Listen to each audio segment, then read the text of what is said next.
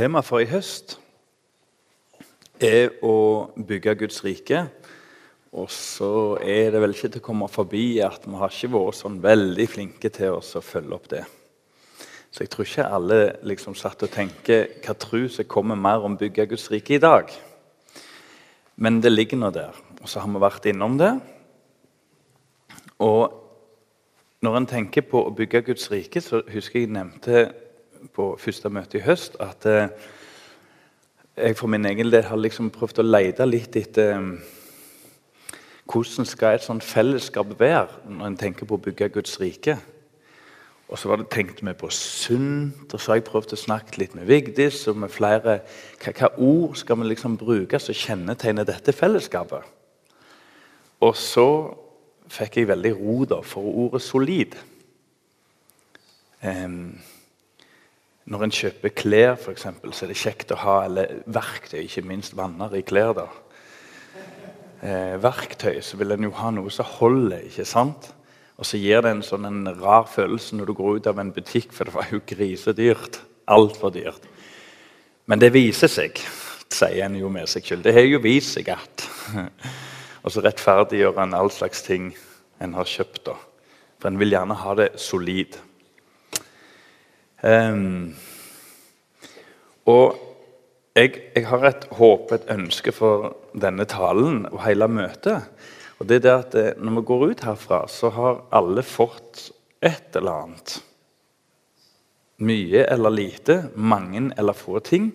Så er det et eller annet som liksom med oss gjør ting solid. Um, min far har en kompis som kom i en sånn en veldig vanskelig situasjon. Med kona ble syk. Og det som nesten ble litt vanskelig, var at hun ble helbreda. Fordi eh, de har fortsatt røntgenbildene før og etter. Og På ene bildet viser det kreft. Eh, denne sykdommen som spiser mennesker opp, som er så vanskelig. Og på andre bildet, når de skal operere, så er det ingenting.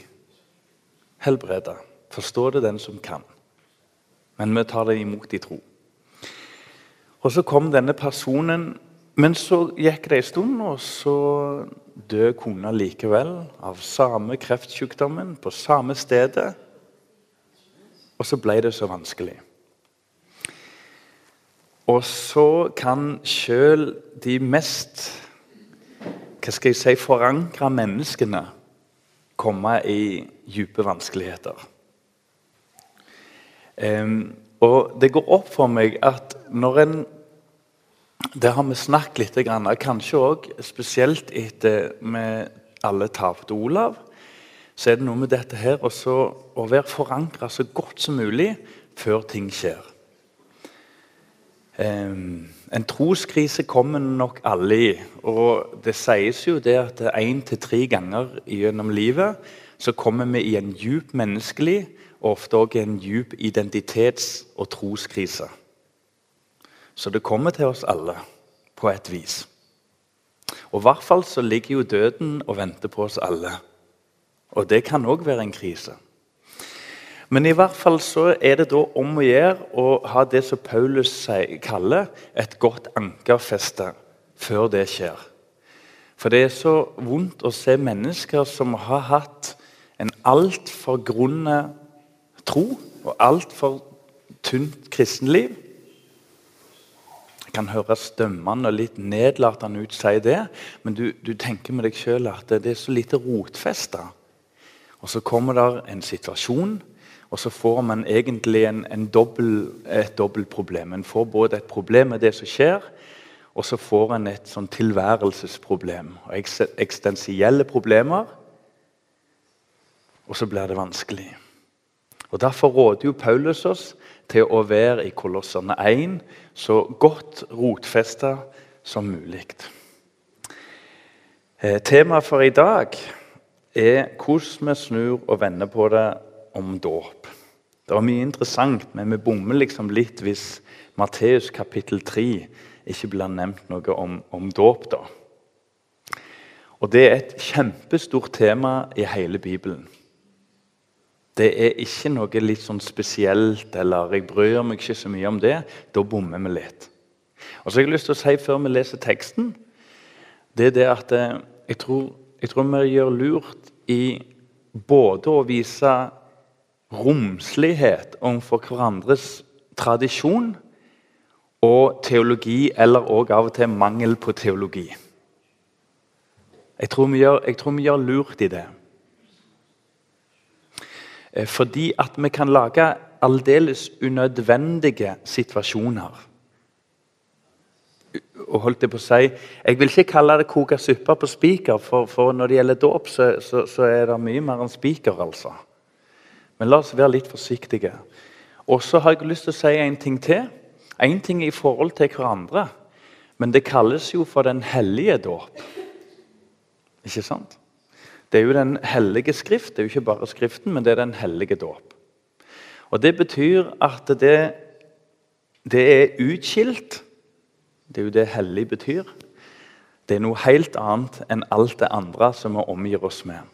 Det betyr at vi skal være lyttende og ydmyke eh, når det gjelder det.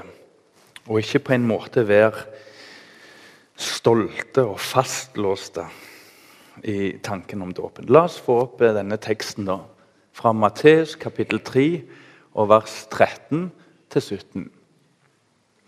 Da dro Jesus fra Galilea til Jordan og kom til Johannes for å bli døpt av ham. Men Johannes nektet ham det og sa jeg trenger å bli døpt av deg, og du kommer til meg. Men Jesus svarte ham og sa, la det nå skje. For slik er det riktig av oss å fullføre all rettferdighet. Da lot han det skje. Da Jesus var døpt, steg han straks opp av vannet. Og se, Himmelen åpnet seg for ham, og han så Guds ånd stige ned som en due og komme over ham. Og se, det lød en røst fra himmelen. Dette er min sønn, den elskede. I ham har jeg velbehag.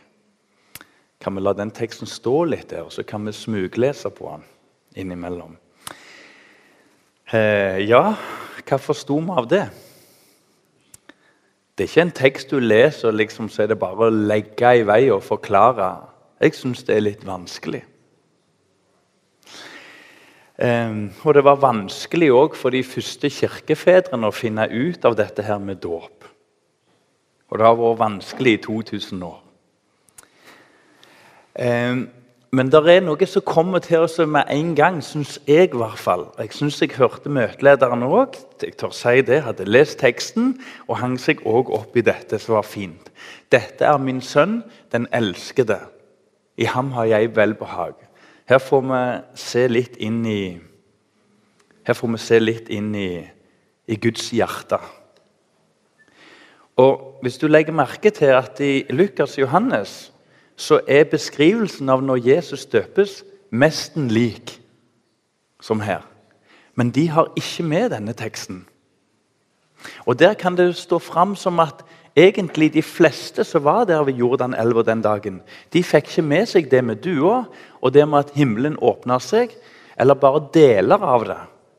Og sannsynligvis ikke den teksten, den, den direkte samtalen fra Gud til Jesus. Er det noen som kjenner seg igjen?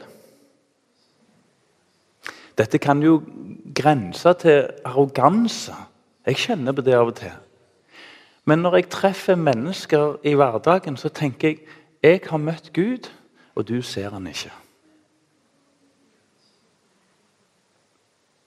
Det kjenner jeg på. Jeg har møtt en levende Gud. Og ulykkelige deg, du har ikke sett han. Og litt sånn får vi et lite innblikk i når en holder de tre evangeliene som trekker fram teksten, at det var mye de fikk med seg. Men denne direkte røsten fra Gud, den, den var det Jesus og Johannes som mest fikk med seg. Og så ligger det litt sånn ensomhet i det. Jeg tror noen kjenner seg igjen her. At man går liksom her rundt på jord og har møtt en levende Gud. Og så er det akkurat som du vet ikke hvordan du skal gripe det an og forklare det til de du møter. Samtidig så ligger det jo en trøst. For nå begynner Jesu gjerning her. Eh, Jesus vi leser om Matteus blir beskrevet om slektene helt ifra, helt ifra eh, rotskuddet, som er David. og så For Saul ble jo drept, og så ble det liksom slektslinja brutt. og Så kommer David den nye slekta, Messias-slekta. Ut av der, etter mange navn som er nevnt, så kom en fram til Jesus Kristus. En begynner jo egentlig litt før det òg, da. Og så hører en ikke så veldig mye om Jesus etter Betlehem og Nasaret og flukten og alt dette her. Han er som tolvåring i tempel, men så møter man igjen. Det vil si, først møter en Johannes. Den siste profeten som hadde talt på 400 år. Tenk deg, Bare tygg på tallet 400 år uten et, et tegn. Og så liksom overgangen er at himmelen åpner seg, og Gud taler direkte til to sanne mennesker på jord. Ganske heftig. Vel, eh, vi hører lite om Jesus, men han står fram etter hvert. Først ved døperen Johannes, som er en veirydder. Temaet for i dag er dåp. Eh, gir dåp frelse? Skal vi bruke hender med tre øser eller full neddykkelse? Skal voksen døpes? Skal barn døpes? Er det en nødvendighet for frelse? Eller er det et tilbud? Eller er det en symbolsk mening? Eller er det meint som det står beint fram? Ja, det er mange spørsmål. Jeg håper videre nå at vi får klar på noen av dem. Eh, jeg kan bare si med en gang at Det er tre typer dåp i Bibelen. En kan nesten med litt tvil si fire. For Den første dåpen er Johannes-dåpen. Men hvis vi skal legge inn en fjerde, så må det være at det er plass til nesten to i den første. Eh, visste du at kvinnene døptes hos jødene? Det er jo ikke kvinnelig omskjæring i den Bibelen vi kjenner. Det er mennene eller guttebarna som omskjæres på åttende dag, mens kvinnene ble døpt. Og Visste du at det 200-300 år før Kristus så var det gjengs, ikke blant alle partiene blant jødene, men det var gjengs å døpe gutter òg. Så dåp var ikke noe som plutselig datt ned fra hva vi her sier, himmelen.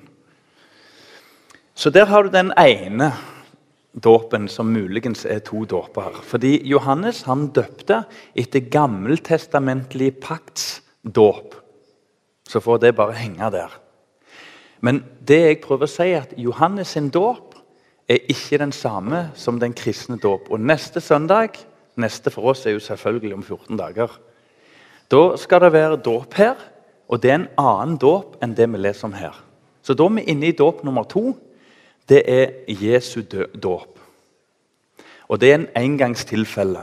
Og jeg kan si med en gang Det er innledning til hans tjeneste. Det har jo vært 30 år med stillhet ifra Jesus òg.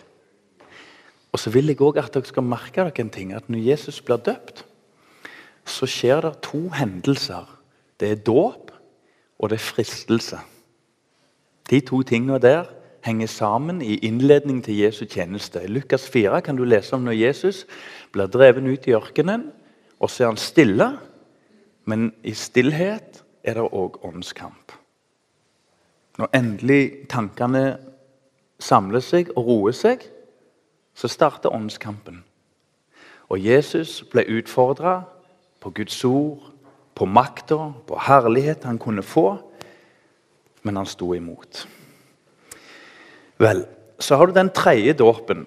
Det er den kristne dåpen som det skrives om i apostelgjerningene 2, i, i eh, Romerne 6 osv. osv. Vi skal lese et par av de.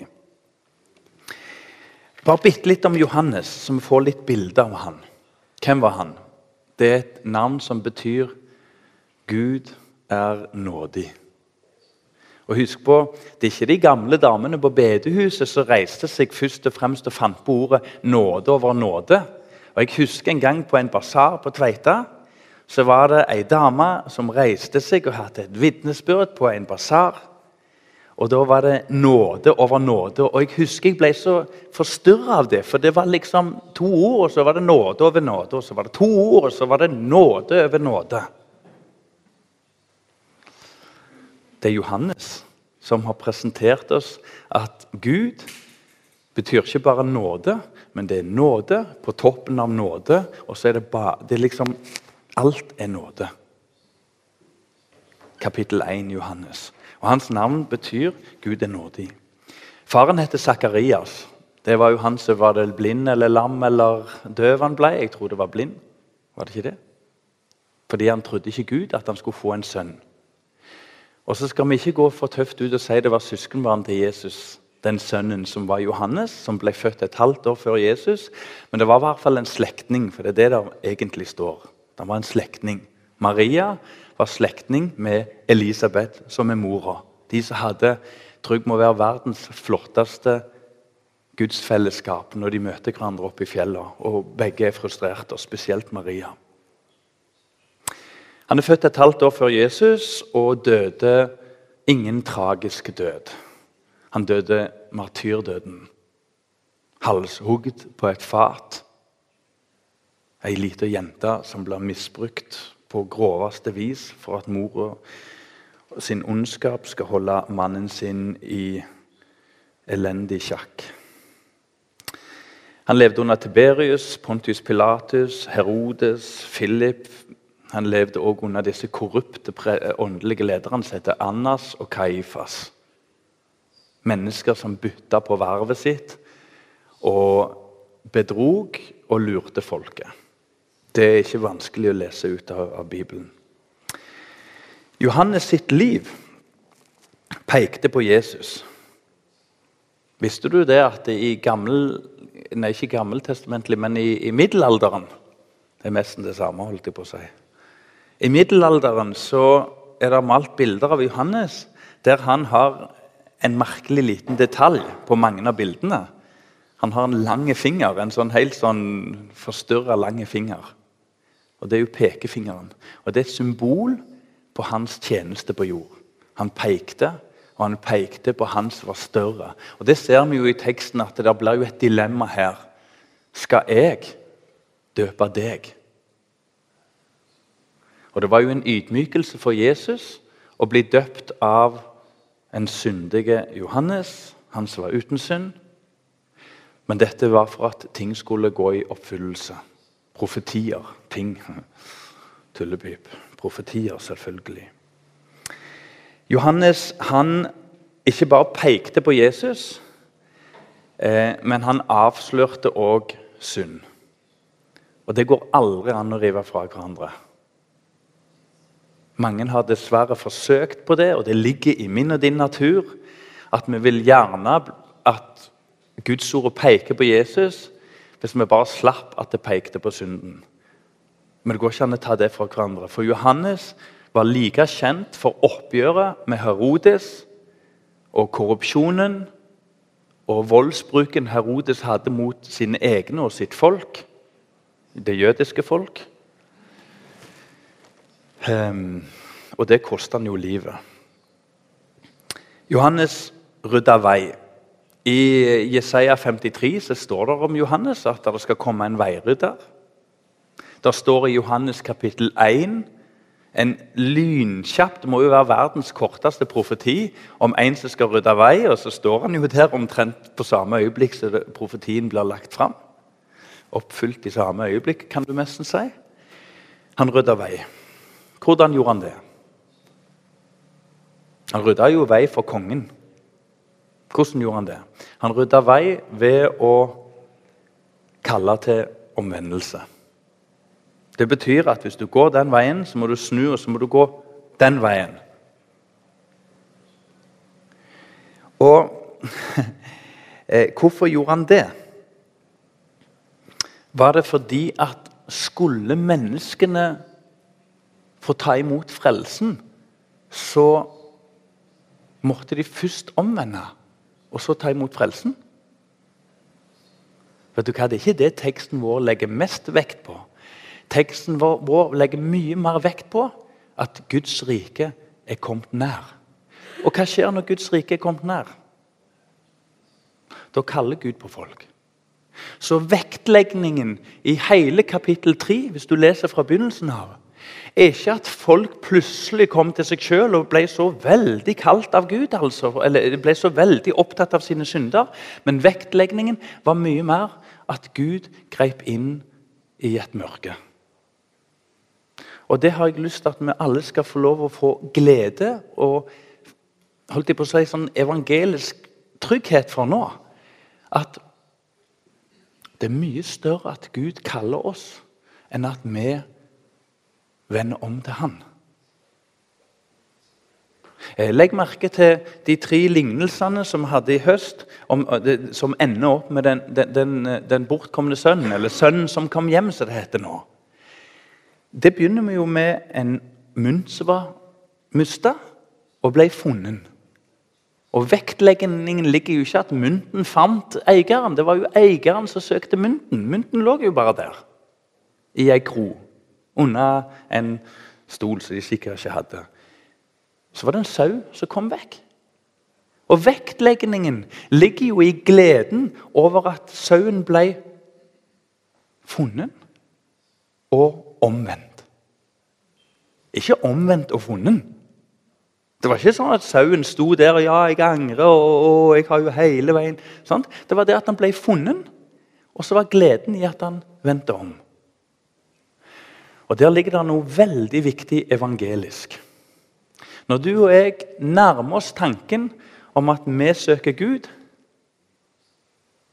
så blir det like dumt som jeg som sa og brukte en stund i min ungdom, og der er jeg jo ikke nå så jeg sier at eh, å bli frelst i egen kraft er så å finne ei nål i en høystakk, sa jeg. Og så syns jeg nå har de skjønt det. Ingen finner vel ei nål i en høystakk. Det er jo et katastrofalt bilde. Det leder jo umiddelbart, eller på sikt, til ubibelsk tenkning. At å bli frelst er som å finne en nål i en høystakk. Hvorfor det? Det er umulig. Sånn teoretisk. Det er bare det at å finne Gud er umulig for et menneske. Og I denne tjenesten her så viser teksten også at Guds rike er kommet nær. Mye mer enn at folk Oi, oi, oi. Og så var det i egen kraft, og endelig så vi må ta et oppgjør. I Guds rike finner du ikke nåla i høystakken, for det åpner opp for en liten mulighet for deg at leter du lenge nok, så skal du nok finne den. Og Det er utrolig hvordan meg og deg leter i oss sjøl for å finne Guds rike, og der er det ingen nål i en høystak. Ok. Hvis vi går videre i teksten vår, så, så vet vi at eh, når Johannes eh, ja, altså, Den dåpen her har ingenting med den kristne dåpen vi har, og som gjerne du er, er døpt med. Og der er baptister og, og, og eh, eh, frie evangeliske og reformerte og katolske, ortodokse og lutherske enige, faktisk, om at dette er en dåp for Jesus. Det er litt flott, da, så er vi i hvert fall enige om det. Men så er det greia her at eh, Eller for å ta Johannes litt først. da, Han dukker uventa opp. Han var ingen stjerne, men jammen tok han igjen. Det var ikke 15 minutes for Johannes. Han levde ute i ørkenen, og han eh, berørte mennesker ytre sett. For det står at folk drog ut fra byen. Og det var så mange som drog ut her at det ble uro blant de åndelige lederne i Jerusalem. Som sendte ut en egen delegasjon for å finne ut hva er det denne mannen gjør. For han fenger så mange. Men så rørte han òg folk inn i hjertet. Sånn som en ekte vekkelse gjør. Mennesker så sin synd. Og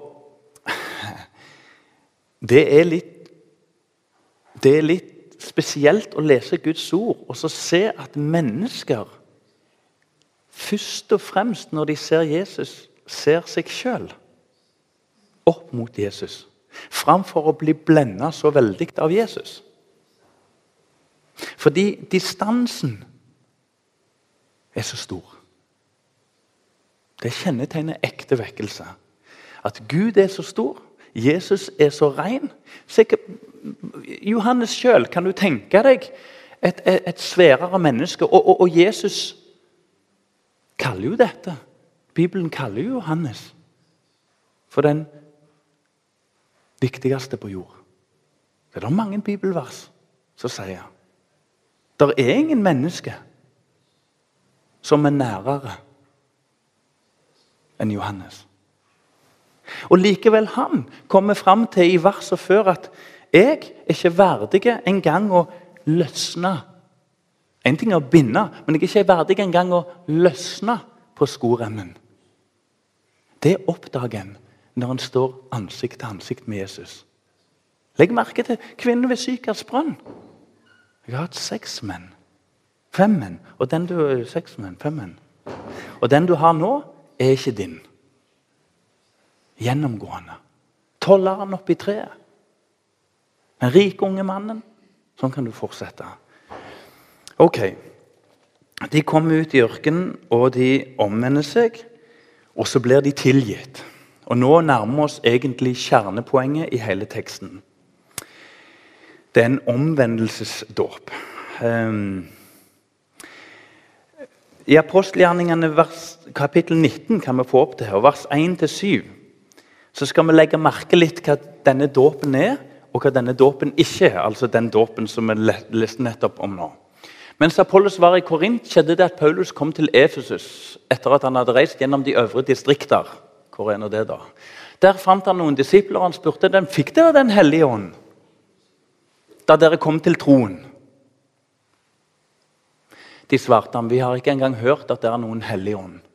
Skal jeg tro hvorfor han spurte om det? Var det fordi han ikke sensa liv hos de? At den var liksom tatt imot Jesus? Men det var, det, her kan det ikke være liv. Jeg vet ikke. Jeg tror det var noe annet. Han spurte ehm, hva blir dere da døpt med? De sa med Johannes' dåp. Det var den dåpen som Johannes hadde, den første. Den der til omvendelse. Ja, men ikke alt i orden, da. Jeg har vendt meg om. Johannes døpte, sier Paulus, med omvendelsesdåp og sa til folk at de skulle tro på den som kommer etter ham, det er på Jesus. Da de hørte dette, lot de seg døpe til Herren Jesu navn. Så her har du faktisk en andregangsdåp som Paulus ikke bare anbefaler, men ber de om å gjøre. Og Jeg har lyst til å si en ting. Vær forsiktig med å døpe om igjen og om igjen fordi at du tenker det du tenker. Vi skal først og fremst tenke det Gud har gjort i dåpen. Mye mer enn hvor mye du la i det. For hvis du tenker sånn om din dåp, så ligger Så har du begynt å lete etter nåla i høystakken. Da de hørte dette, lot de seg døpe til Herren Jesu navn. Og bare legg merke til døpe til hva da? Døpe, til, døpe seg til Jesus. Alt det han er og har. Og Da Paulus la hendene på den, kom Den hellige ånd over dem, og de talte med tunger og profetiske ord. Vær forsiktig med å på en måte dele opp ting i en måte som Hvis du hadde analysert en tekst ellers, i eksempel, eh, på videregående i en, i en eksamen eller tentamen Vær forsiktig og dele opp ting inn i det marginale og tullete. Nå nå fyrer jeg opp litt. Men det at det står 'kom Den hellige over og de talte med tunger', altså etterpå Og da, og da Paulus la hendene på dem, siden liksom først fikk de Jesus, og etterpå må det skje noe nytt, liksom. Det er en, det er en unaturlig, krampaktig oppdeling. De fikk Den hellige ånd. Og det er det mange tekster som viser rett fram der. Det er ikke plass til oppdeling i det hele tatt om du ville det aldri så mye. Så dette var det de fikk. Um, men hva var det som skjedde med Jesus da når han ble døpt? For det er der vi skal være mest i dag. Hva var det som skjedde med Jesus?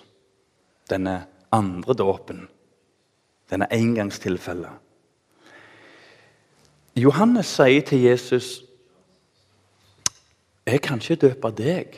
Dette blir helt galt. Det er jo du som må døpe meg.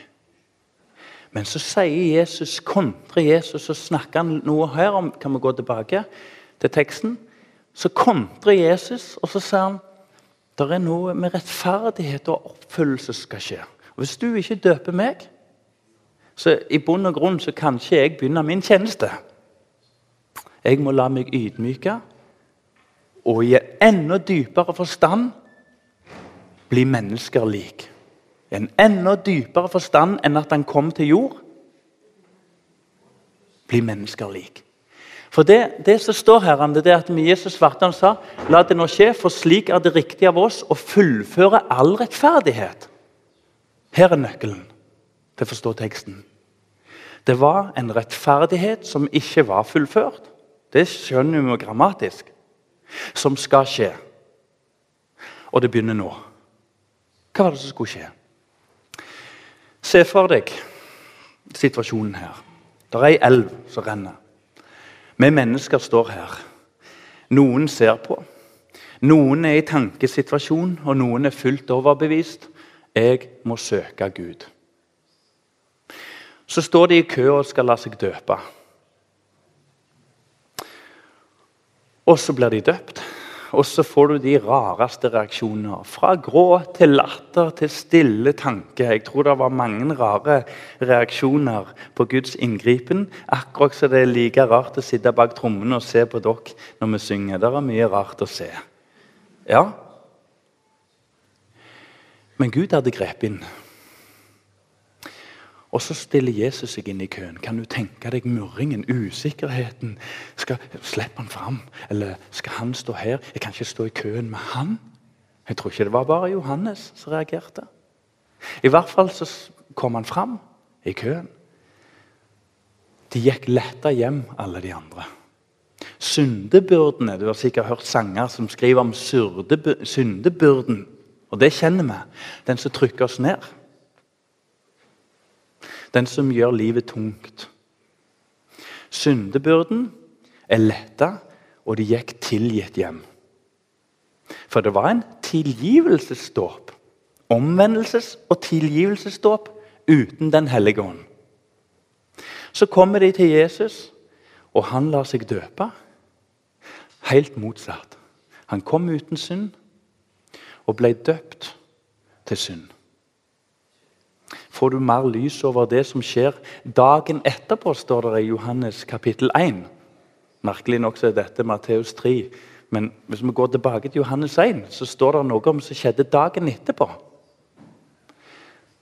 Så står det at Johannes gir et menneske en tittel som er så flott at en kun kan høre Gud til. Se, det er Guds lam. Var ikke det fint? Som bærer verdens synd. Ser du mennesket og Gud? Ser du køen foran deg? Ser du at det er én menneske som ikke skiller seg ut? Han var en tømmermannssønn.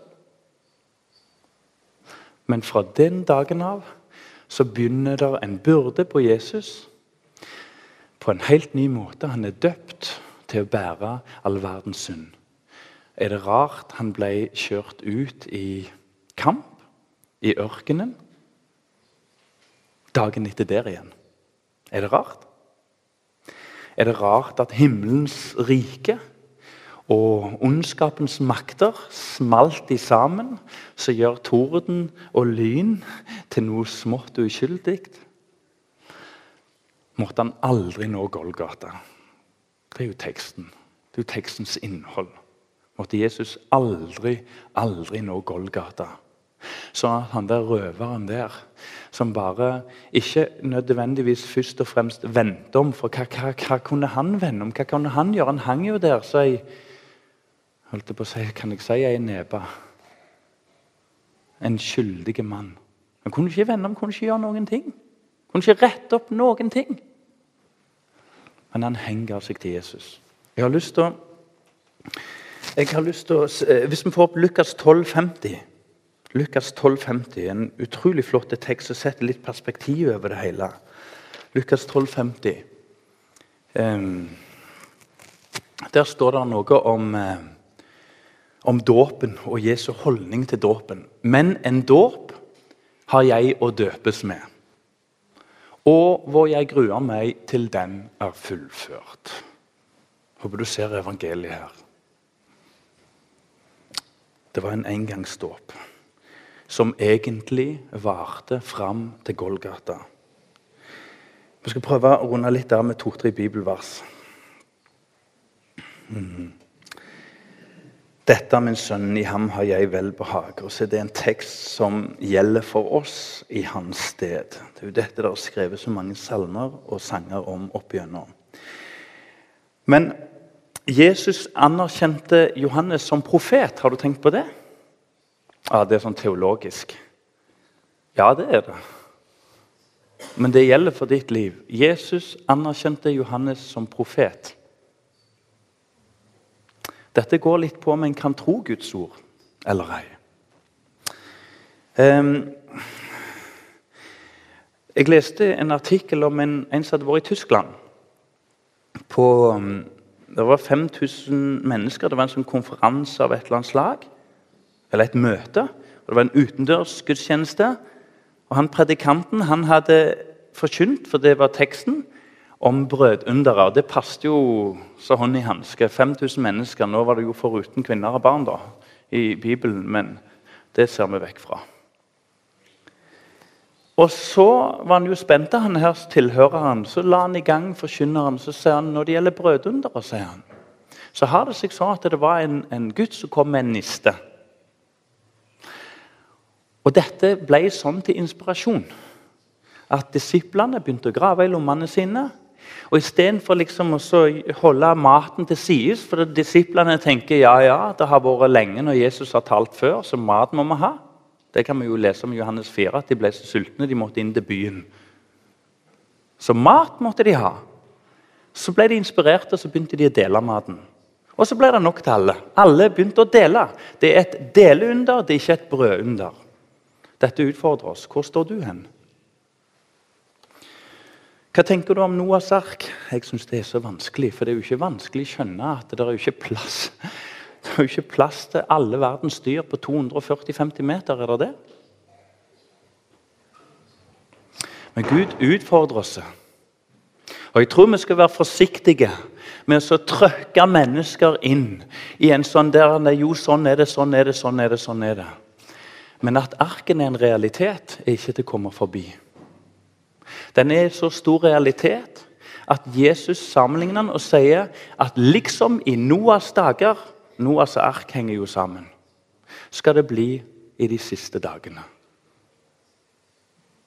Og Hvis du tar tankerekkefølgen om at Noah og det underet der For det er jo et under. Aldri har skjedd. Ja vel, så må det være billedlig at Jesus kommer igjen òg, da. Liksom Jesus setter jo på en måte, Jesus stiller alt opp og satser alt på et kort, på Noah-kortet. Alt faller med det. Dette utfordrer oss. Jeg har lyst til å gi dere en liten, enkel historie. Og så håper jeg at vi kan imøtegå hverandre med at dette er vanskelig fordi kunnskapen skal bli stor i de siste dager. Er ikke det sant?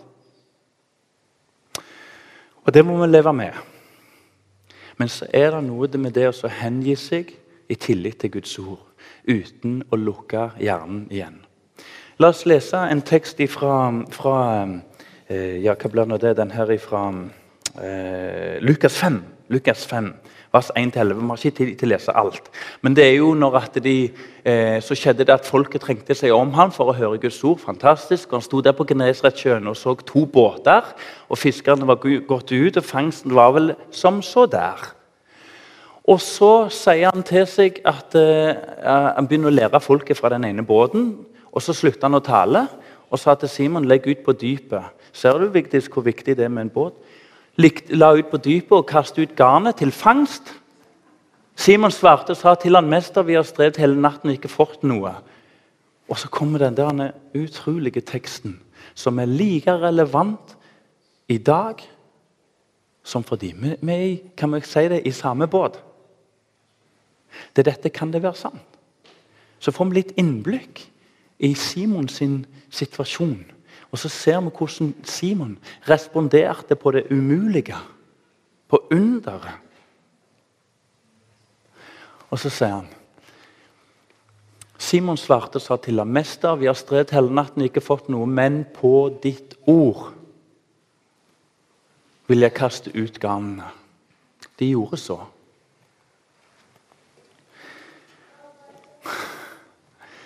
Vet du hva? Noe er vanskelig. Denne hvalen som slukte Jonas, så kan vi lese at en hval knapt kan sluke en grapefrukt. De der som spiser sånne smådyr. Plankton og hva det er. Eller Hjelp meg, da. Men jeg har lest at de har ikke noe gap. Hvordan kunne han komme ned der? Kanskje det var en annen hval, sånn en som spiser spekkhoggere til frokost? Jeg vet ikke. Det var sannsynligvis ikke det.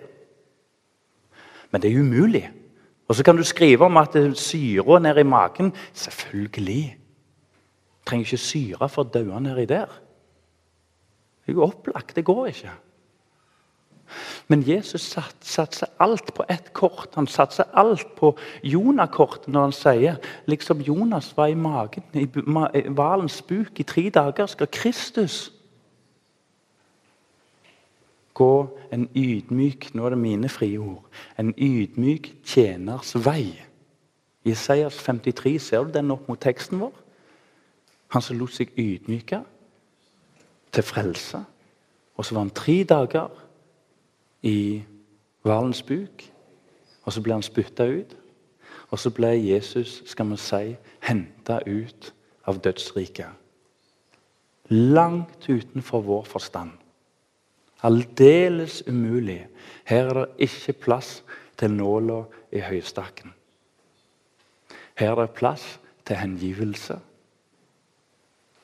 og tillit til at Guds ord holder. Og En trenger ikke være dum for å tro det, for det blir sagt mye dumt. Nå er Jeg vel ikke kjent for å være den største miljøfantasten, men det var en som sa eh, det var en som sa det at eh, så, eh, Jeg tror han var litt uheldig. Han sier det at, eh, at dette med miljø og mennesker er skapt. og, og, det må vi være forsiktige med. Jeg tror at eh, vi mennesker endrer jorda, men han kom fram til at ulykka i Thailand var menneskeskapt. Den her, nede i denne flodbølga. Det tenkte jeg, det var jo å trekke det litt langt. Så det blir sagt mye i mange lærer uten å fordumme det. Jeg ønsker ikke det, selv om det var det jeg gjorde. Til slutt, La oss lese noen tekster helt fort nå. Kan vi få opp apostelgjerningene 22, vers, kapittel 2, vers 38? Peter sa til dem Nå heter han ikke Simon lenger. Nå har Gud lært han på ditt ord. Omvend dere og la dere alle døpe på Jesu Kristi navn. Her ser du hva du får i dåpen. Du får Jesu Kristi navn. Du får syndenes tillatelse. Så skal dere få Den hellige ånds gave. Dette er innholdet i dåpen. Det er det du får. Og Jeg har bare lyst til å si en ting. Til dere og deres barn står det rett etterpå. Det er et løfte på Guds ord til dere og til deres barn. Vet du hva? Jeg gleder meg. Om 14 dager, om Gud vil, så skal vi ha en dåp her. Og så har vi et løfte. For når vi døper et barn, så er det ikke først og fremst det at vi gjør sånn og sånn og sånn. Men det største som skjer, er at vi kan få lov å døpe barnet til det Gud har lovt i sitt ord. Mm. Jeg tenker om døden at Gud har lovt evig liv og evig frelse på Guds ord. La oss få opp Titus 3 og vers 4-5. Men da Guds, Gud, vår frelsers godhet og kjærlighet til menneskene ble åpenbart, frelste han oss. Ikke pga. rettferdige gjerninger. Legg merke til at her, her, her, vektlegger forfatteren det. Ikke tenk i retning av rett, din rettferdighet, dine valg, din godhet. Men etter sin miskunn. Og legg merke til gjerninger, miskunn og badet til gjenfødelse. Det er dåp, altså. De tre tinga henger tett i sammen. Er du med? Miskunn, gjerninger, miskunn og badet til gjenfødelse. Ikke rot det i sammen. Ja, vi kunne selvfølgelig, som sier forkynneren, sagt mye mer om dette, men det har vi ikke tid til. Men jeg har lyst til å si at eh, Dåpen er òg som Josefus. Det var en sånn forfatter og skribent og historiker på Jesu tid. Levde litt etter Jesus. Han skrev det òg at eh, Johannes tok et oppgjør med ritualene, omskjæringen. Eh, Josefus skriver det om Johannes. Og For det skulle ikke være som en unnskyldning for alskens synder, skrev Johannes. Du og jeg mottar ikke nattverd for å kunne synde. Alskens synder, og det var det jammen på Jesu tid. Du og jeg mottar dåp og nattverd til omvendelse, til nytt liv og til Hellig ånds inngripen og innflytning.